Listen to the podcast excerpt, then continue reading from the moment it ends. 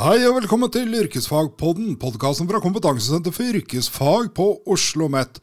Her tar vi for oss eh, fag- og yrkesopplæringen, og i dag skal vi se litt nærmere på vurdering eh, knytta til fagfornyelsen. Og med oss for å gjøre det, så har vi professor Grete Haaland fra Høgskolen for yrkesfag.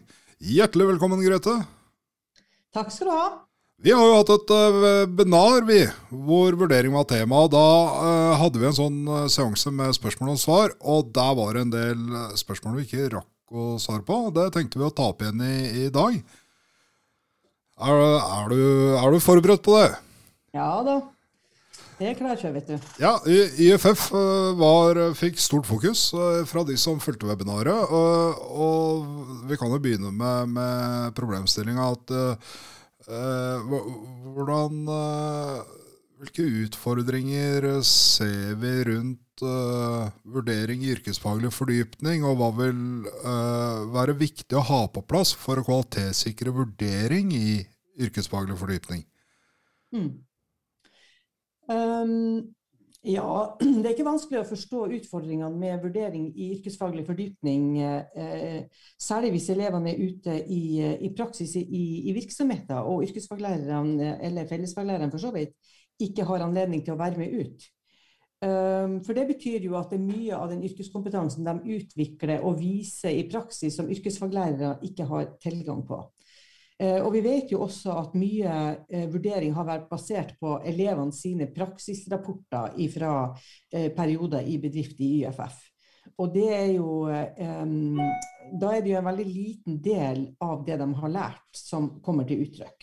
Sånn at jeg tenker jo at det som, det som kanskje er viktig å ha på plass, det er jo at elevene først og fremst får lov å jobbe med de yrkesoppgavene som faktisk foregår der ute. Sånn at de som skal være med i vurderingsarbeidet ute i bedrift, eh, er godt familiær med det som er kriteriene. Altså, de er jo gode på de arbeidsoppgavene som foregår, og kan enkelt gi tilbakemelding på elevene eh, sitt arbeid og, og, hva de viser av, av, kompetanse.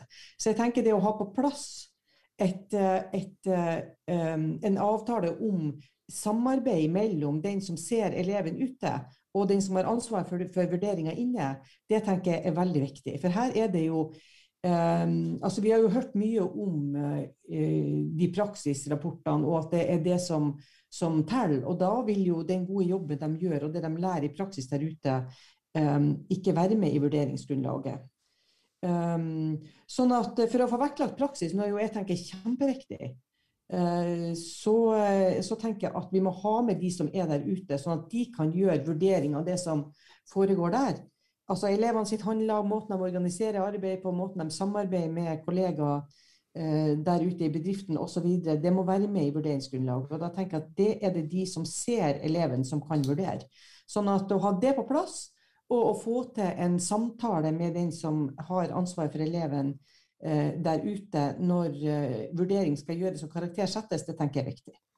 Men når du sier håndlag og samarbeid og sånt, da er vi ikke spes, da er vi ikke spissa inn mot eh, kompetansemålet, er vi det? Nei, altså jeg tenker at det som, det som læreren kan gjøre i, i etterkant når, kommer, når, de kommer tilbake på skolen, det er jo å utfordre på å tenke over hva de har lært eventuelt relaterte kompetansemål hvis, eh, eller læringsmål hvis det er for en kortere periode. Um, sånn at jeg tenker egentlig at kompetansemålene ikke er så viktig der ute. Altså kvalitet på arbeid og kvalitet på kompetansen de viser, tenker jeg er det viktigste. Og så kan vi som lærere ta ansvar for å få dem til å reflektere læring eh, relatert til læreplanen. Ja, sånn at et uh, vurderingskriteriet trenger ikke også være en avskrift av kompetansemål. Vi, vi omformer kompetansemålet, eller kan det være litt sånn mer generisk, som du sier, med håndlag? Ja, generisk eller ikke, men jeg tenker at det, det, det trenger ikke å være relatert til hvert kompetansemål. Altså, Elevene kan jo lære veldig mye forskjellig relatert til ulike kompetansemål av ett og samme arbeid. Så jeg tenker at Først og fremst det å få vurdert kvaliteten på det arbeidet de gjør, og det de viser relatert til det, så kan vi diskutere eh, kompetansen relatert til kompetansemål eh, i etterkant, gjerne. Mm. Um, bedriftene har etter sånn som jeg erfarer det, ikke noe forhold til de her kompetansemålene. Nei. Men det de er gode på, det er å vurdere kvalitet på det arbeidet de faktisk gjør der ute. Og jeg tenker at det er det de må få lov å gjøre. Ja. Eh, innledningsvis i resonnementet så nevnte du fellesfaglærere. Ville det vært eh, lurt å fellesfaglærere også eh, er å besøke elever som har opplæring i bedrift? Ja, det tenker jeg. Altså, opplæring i bedrifter må være den beste arenaen for å få til yrkesretting av fellesfag. Så jeg tenker at eh, For meg er det en selvfølge. altså Fellesfagene ligger jo implisitt i veldig mange yrkesoppgaver, kanskje alle. Eh, sånn at det å, å, å, oppsummere hva de også har lært innenfor fellesfag, det tenker jeg er kjempeviktig. Altså Det er jo ute i, i drift gjennom yrkesoppgavene de virkelig ser eh, hva de har behov for av kompetanse knytta til fellesfag. Ja. Så gjerne vurderingskriterier på det òg. Ja visst. Du var eh, kanskje litt innom det, men eh, kan vurdering av eh, YFF, eller yrkesfaglig fordypning, da, gjøres gjennom dybdeoppgave som elever utfører på skolen? Eksempelvis i forkant eller i ettertid av praksis, sånn for å få en bedre vurdering på, på YFF? Ja, Hva som gir den beste vurderinga, kan man jo godt diskutere. Men jeg tenker hvis man ikke har anledning til å få elevene ut i praksis i bedrift, så må man jo bruke det man har av alternativer. Eksempelvis det å ha så eh, virkelighetsnære oppgaver som mulig på et skoleverksted. Eh, men det betinger jo at man har det utstyret og det materiellet som trengs for at elevene skal kunne gjøre helhetlige oppgaver i tråd med egne yrkesinteresser. Um, og det vil man jo kanskje ha innenfor noen lærefag i utdanningsprogrammet, men kanskje ikke innenfor for andre. Så her kommer det jo veldig an på om man har muligheter for å jobbe i At, at elevene får lov å jobbe i tråd med egne yrkesinteresser. For det er jo en forutsetning, tenker jeg, for å få til rettferdig og god vurdering eh, i YFF. Eh, men vi har jo vært, hatt situasjoner i år hvor ikke det har vært mulig å få elevene ut. Og det er klart, da må man jo gjøre det nest beste. Uh, og det vil jo være å gjøre helhetlige oppgaver så, så, på, på, skoler så langt som, som mulig. Um, ja. Um, det er vel egentlig uh, Så når det gjelder Vi, vi um, har vel snakka litt, grann, i hvert fall i webinaret, om uh, åpne oppgaver. og er det da smart å støtte elevenes ideer og forslag når man kan forutse at resultatet kommer til å bli dårligere kvalitet? ja, jeg er litt usikker på om vi alltid kan forutse det, men eh, jeg er enig i at det kan man i mange tilfeller. Uh, og det er klart at man skal støtte så langt som mulig, men, men inntil en viss grense. altså Man kan ikke slippe dem ut i arbeid som ikke sikkerhetsmessig er, er forsvarlig. Og, og, heller ikke økonomisk. sånn at man, man, må jo stoppe det på et tidspunkt. Men jeg har jo erfaring for at eh, det å ha en samtale med dem vi, altså vi, ser jo en plan for det arbeidet de har tenkt å gjøre i en åpen oppgave. Um, og, da, uh, og, da, vil vi jo ane noen aktuelle konsekvenser. Så det å ha en samtale rundt konsekvenser av de valgene som de har gjort, det å be om begrunnelser for hvorfor har du tenkt å gjøre det sånn, um, jeg tenker jo at det er man nødt til å, å, å ta seg tid til. Og forhåpentligvis så ser elevene sjøl at det der kanskje ikke var så lurt som de hadde tenkt. Og dermed finne en annen løsning som, mm, som passer bedre. Men jeg tenker at de må være med på, være med på, den, på den, prosessen så langt som, som mulig. Hvis vi går inn i en sånn prosess med elevene og reflekterer da, sammen med elevene over uh, valg og, og framgangsmåter, er vi også inne litt i en vurderingspraksis, uh, tenker du? Ja, og jeg tenker at eh, ja, ja, uten tvil. Altså det å vurdere aktuelle konsekvenser er jo, eh, er jo er, altså Det må man jo i alle, i alle yrkesfag. Sånn at elevene skal være med på det, og at de skal utfordres i forhold til valg av løsninger. Det tenker jeg er Man er vel egentlig inne både på, på måter å drive opplæring på, og på grunnlag for vurderingspraksis. Um skal eh, alle elever vurderes formelt i alle kompetansemål? Skal, skal, vi ta, Hva er en formell vurdering, og hva er en uformell vurdering? Skal vi ta det først? Nei, En formell vurdering det er jo det som på en måte dokumenteres. Da blir det jo en formell vurdering. Uh, Men jeg tenker at, at de, de, skal jo ikke du Hvis det spørsmålet som du stilte innledningsvis gjelder når det gjelder altså Skal de vurderes i forhold til alle kompetansemål? Så tenker jeg at de skal vurderes i, i forhold til kompetansemålene sett i sammenheng med hverandre. Og relatert til, til sin yrkesinteresse, ideelt sett. Um, sånn at uh, de skal ikke vurderes i, i, i, forhold til hva de kan knytta til hvert enkelt kompetansemål for seg. Og kompetansemålene vil jo ha ulikt innhold alt etter hva slags yrke de relateres til og tolkes i forhold til. For det er klart at Et kompetansemål er stort i et av de yrkene som rekrutterer fra VG1 eksempelvis, og mindre hvis du relaterer det til et annet yrke. Og det, jo, eh, og det betyr jo at, at, hvis et kompetansemål eh, er mindre i omfang og har et annet innhold, så er det jo det andre innholdet som de må vurderes for. Altså det som passer til det yrket de utdanner seg til eller er interessert i, eller har jobber relatert til.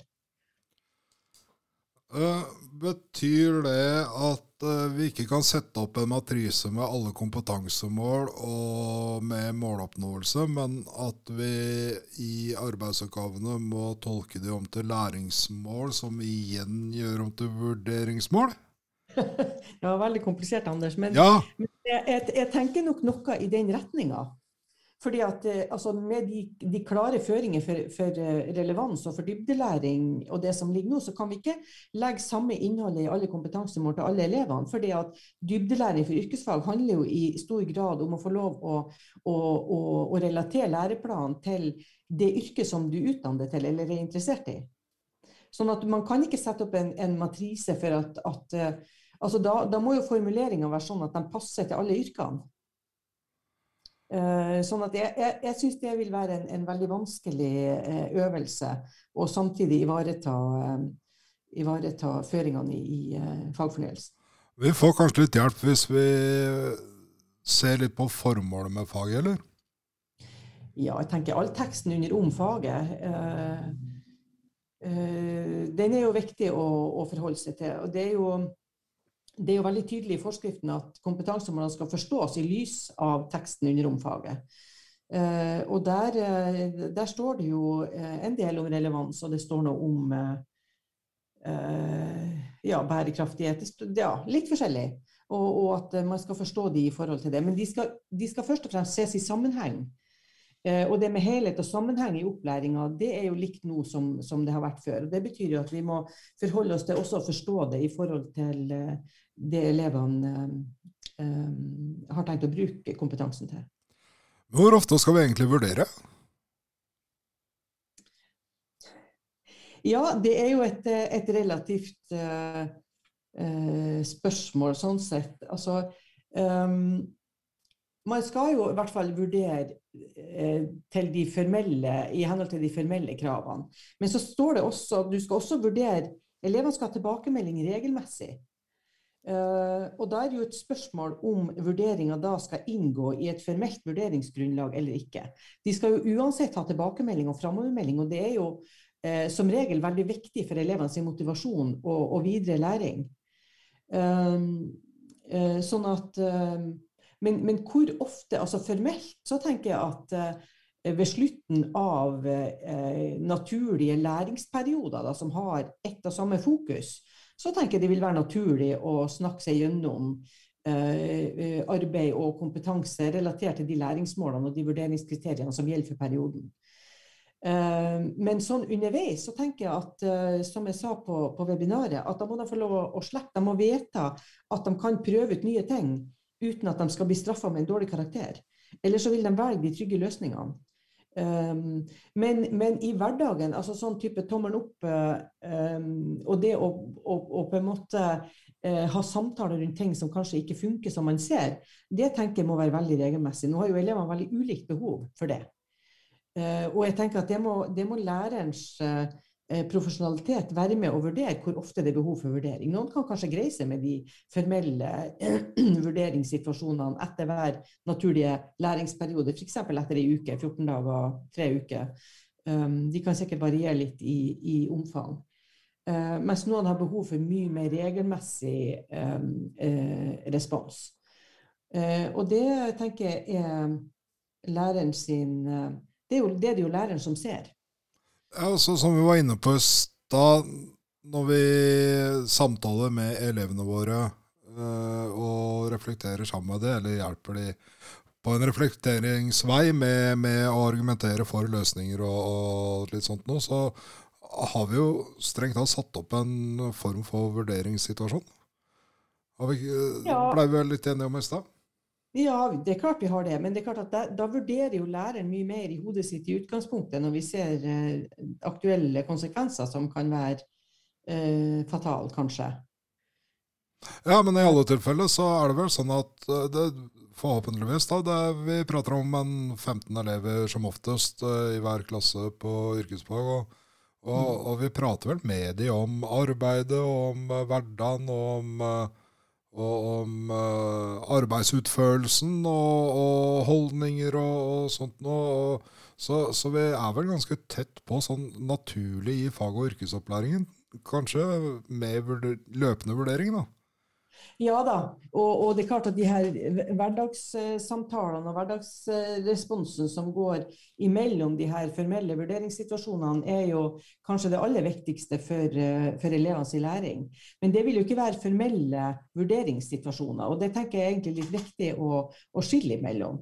Mm. Uh, sånn at altså, Noen elever uh, går jo av gårde og, og, og klarer seg uten uh, et spørsmål til refleksjon underveis, kanskje. Uh, mens noen trenger bekreftelse hele tida. Og det der tenker jeg er lærerne gode til å, til å, å regulere og til å, å, um, gjøre i hverdagen i tråd med elevene sitt behov. Mm. Uh, og jeg tenker også, det, det, handler jo også om, hvis vi, hvis vi snakker om elevmedvirkning knytta til, til, vurdering, så var, var, jo det du var inne på innledningsvis, altså det å drøfte alternativer, det å vurdere ulike alternative løsninger, er jo én ting. Men det jeg tenker også en viktig bit av det er at elevene må få lov å være med og, og velge hva de vil bli vurdert i. Altså være med og bestemme vurderingskriterier, altså hva det skal være fokus på. Det kan jo godt hende at når vi tenker at vi er ferdig med, at noen elever er usikre på det, gjerne vil ha det med til neste gang. Og det kan handle om sikkerhet, eller det kan handle om eh, tekniske, tekniske, ting. Um, uh, som de ikke føler seg ferdig med, ikke føler seg klar på. Sånn, så, så, den type medvirkning tenker jeg er, uh, er viktig. Hvor, hvor, mye elevmedvirkning skal vi legge til rette for i vurderingsarbeidet? Har du noe, ikke prosent, men som en arbeidsform, da? Ja, nei, Jeg tenker jo at de systematisk må, må være med i vurderingsarbeidet. Og jeg tenker at i forhold til eh, elevene si, si egen vurdering, når, både når det gjelder kvalitet på eget arbeid og hva de, hva de kan ha lært, så, så, tenker jeg at, at det, må være med, det må være med egentlig hele tida. Og så tenker jeg at det må jo ha avgjørende betydning for lærerne også, og deres vurdering av læringskompetanse.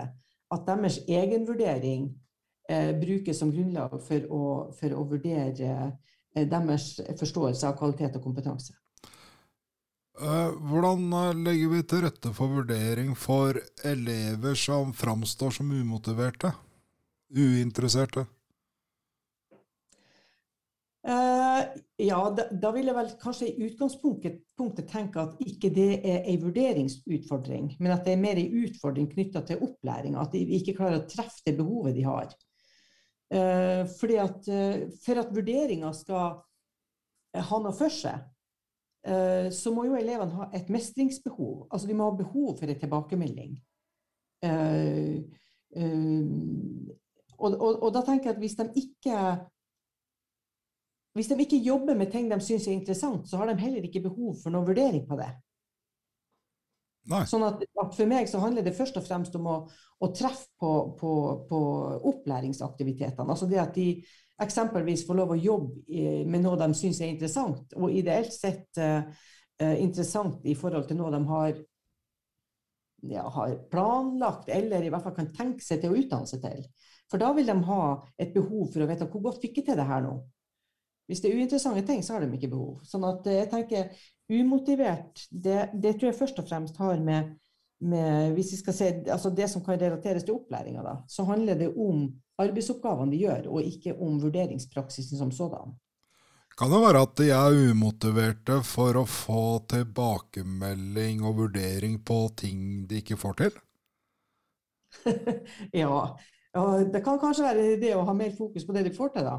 Så uh, det er noe hyggelig å høre alltid. Ja. Uh, det er jo en del ulikheter uh, i vurdering. Det kan være ulik vurdering, ulik vurderingspraksis, ulike vurderingskriterier. Ikke bare på nasjonalt nivå, men innenfor fylker, og kanskje til og med på samme skole hvis man har to H-klasser eller flere, eller to elektroklasser. Mm. Er, det, er det problematisk? Nei, problematisk eh, det, det, tenker jeg vel ikke at, eh, at det er. Men, men, eh, når du snakker om ulik vurdering, så tenker du at det kan være fint med en felles praksis? Ja, skulle vi hatt mer standarder, flere maler?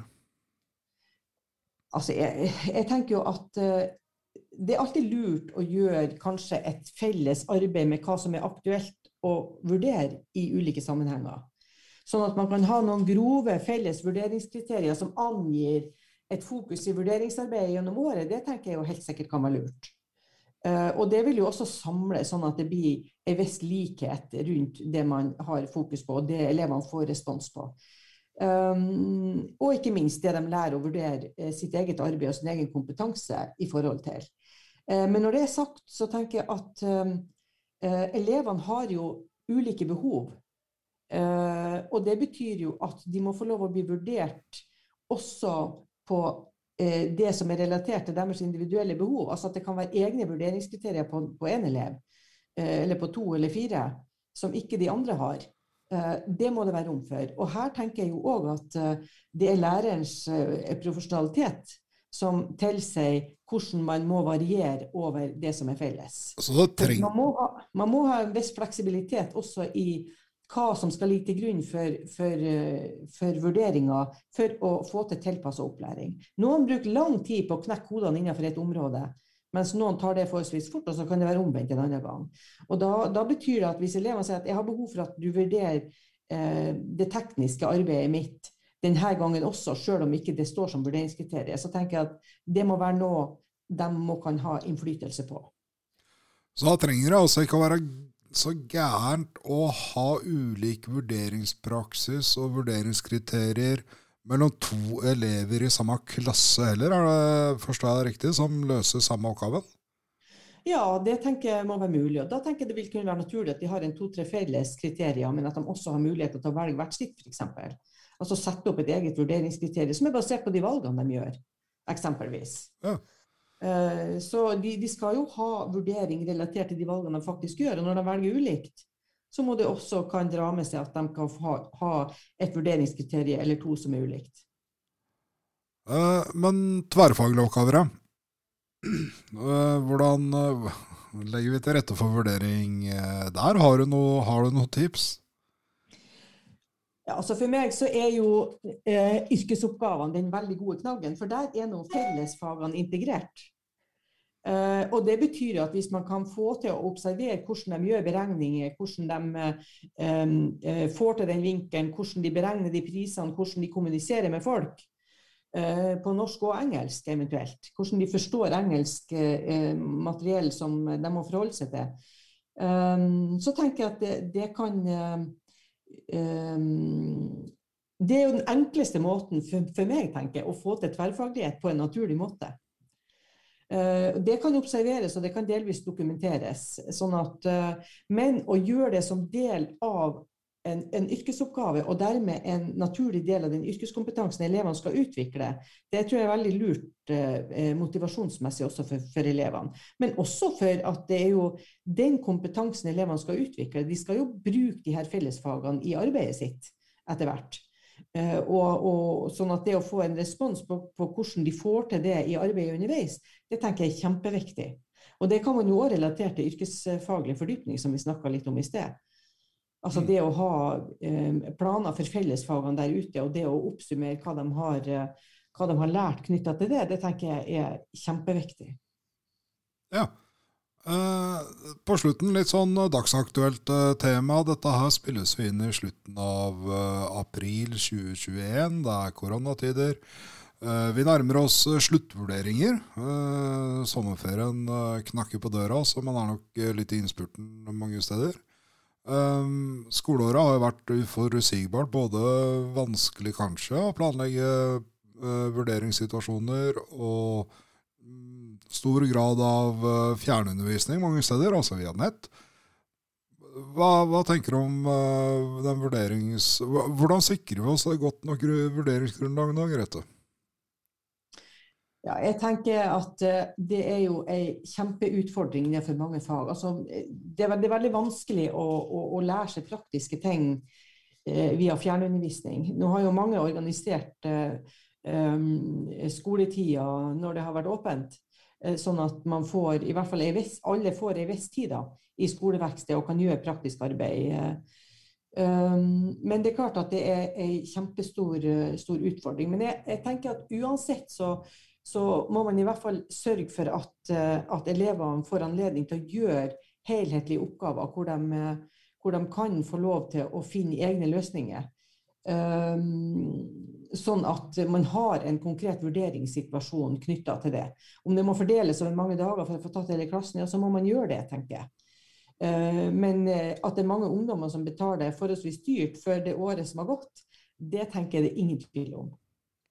Så over, ja. over flere dager og en arbeidsform som kanskje gjør at noen elever i gåseøynene blir sittende hjemme uten noe å gjøre. Er det, er det, det du sa nå, eller? Blir sittende hjemme uten Uten liksom noe tilrettelagt undervisning, da. Var det, det var ikke det du sa, nei? Nei, jeg tenker at, at da må man dele klassen kanskje opp i tre. Eh, sånn at man har fem elever inne samtidig, men at de får anledning til å gjøre helhetlige oppgaver, sånn at de kan få vist så mye kompetanse som mulig knytta til ja, arbeidsprosessen først og fremst. Altså det å planlegge et arbeid og det å, å, å, å gjennomføre det, organisere det, eh, handle alle de tingene der, sikkerhet, altså måten de forholder seg til et, et helhetlig arbeid, det tenker de må få muligheten til å vise. Men hva gjør de ti andre i mellomtida? Hva sa du? Hva gjør de ti andre i mellomtida? Nei, De kan forberede seg, og det, det, er mye de kan gjøre i forhold til å få vist kunnskap. Jeg tenker meg jo at en sånn helhetlig oppgave også må ha en samtale til slutt. Ja. Eh, og at man kan få det der Hvis man har eh, tre-fire dager på seg, så, så, så, vil man kunne få til å, å, å, forskyve, å forskyve, det. Ja. Sånn at eh, det å planlegge også den sluttsamtalen og det å, og eh, ja, få tenkt litt underveis og, og, og ja, vist også kunnskap knytta til den helhetlige arbeidsprosessen. Det tenker de kan vise i planene sine, de kan vise det i drøfting av alternative måter eh, osv. underveis, eller til slutt i en samtale. Er man jo et par lærere der, så kan man kanskje få til noen samtaler underveis. Mm. Kanskje bruke litt ekstra tid på vurderingssamtaler eh, med mål om å virkelig få tak på det elevene faktisk kan, har lært og, og reflektere rundt, eller? Ja, og det er derfor jeg tenker at hvis man får til helhetlige oppgaver, så kan veldig mye gå inn der. Eh, og så har man vel vurderingsgrunnlag på små biter, vil jeg jo tro. Eh, både på kunnskap og forhåpentligvis på noen ferdigheter òg, eh, som man har fått gjennom, gjennom, året. Jeg vet jo at mange elever som har vært ute i en bedrift, har hatt muligheten til å være ute. Kanskje kan man bruke den muligheten også til å samarbeide med kontaktpersoner der ute om vurderingsarbeidet spesielt. Ja, så godt. Eh, da var vi kommet egentlig nederst på lista med de temaene de som deltok på webinar var opptatt av, som vi kanskje ikke fikk, eh, fikk tatt uh, konkret tak i. Er det noe du vil legge til nå på tampen, Grete? Nei, det er vel egentlig ikke, ikke det. Men jeg tenker på altså, forholdet mellom de oppgavene de gjør, og vurderingspraksisen tenker jeg vi kanskje har fått snakka litt lite om. For verdien av å få lov å jobbe med, med oppgaver som er i tråd med, med det behovet elevene har, um, det er en såpass viktig bit at det er egentlig litt vanskelig å snakke om vurdering uten å snakke om opplæringa i større grad enn det vi har hatt anledning til nå. sånn at det kunne kanskje være noe å, å tenke litt mer på, på framover. Særlig det med åpne oppgaver og ja, samarbeid med arbeidslivet. Ja, for det er, det er, jo åpenbart integrert. Er det en felle vi gjør, å dele opp uh, det, fag- og yrkesopplæringa i ulike segmenter, og så legger vi ett element under lupa og kanskje glemmer helheten? Ja, i hvert fall så tenker jeg at eh, det, kan være, eh, det kan være noen som tenker annerledes opplæring eh, enn det jeg har tenkt når vi snakker om vurdering. Sånn at det er noe med at den felles plattformen som vi hadde fått hvis vi hadde snakka litt mer utfyllende eller grundig om, om opplæringa etter fagfornyelsen, Ja. så vil vi i større grad kanskje ha utvikla en felles forståelse også for vurderingsarbeidet. Men, men man må jo velge et fokus. Uh, og nå var fokuset vurdering, og det tenker jeg må, må være helt greit. Så får vi heller Jeg håper jo det at det dukker opp litt sånn behov eh, underveis eh, i, mellom de her webinarene som gjør at man kan komme inn på eh, de tingene som vi snakker om nå, ved en senere anledning, kanskje. Ja, for vi er på tilbudssida. Um, da, da takker jeg for at du kom til yrkesfagpodden, professor Grete Haaland fra Høgskolen for yrkesfag. Ja, det er bare hyggelig, vet du. Og takk til dere for at dere hørte på Yrkesfagpodden, som er en podkast fra Kompetansesenter for yrkesfag på Oslo OsloMet. Hvis dere er nysgjerrig på webinar om vurdering, så finner dere det på YouTube ved å søke opp eh, YouTube-kanalen vår der, som heter Nasjonalt kompetansesenter for yrkesfag. Eller så kan dere prøve å finne lenka i episodebeskrivelsen av denne podkasten. Og så finner dere Yrkesfagpodden på Facebook, eh, og da kan dere diskutere denne episoden og tidligere episoder. Takk for at dere hørte på.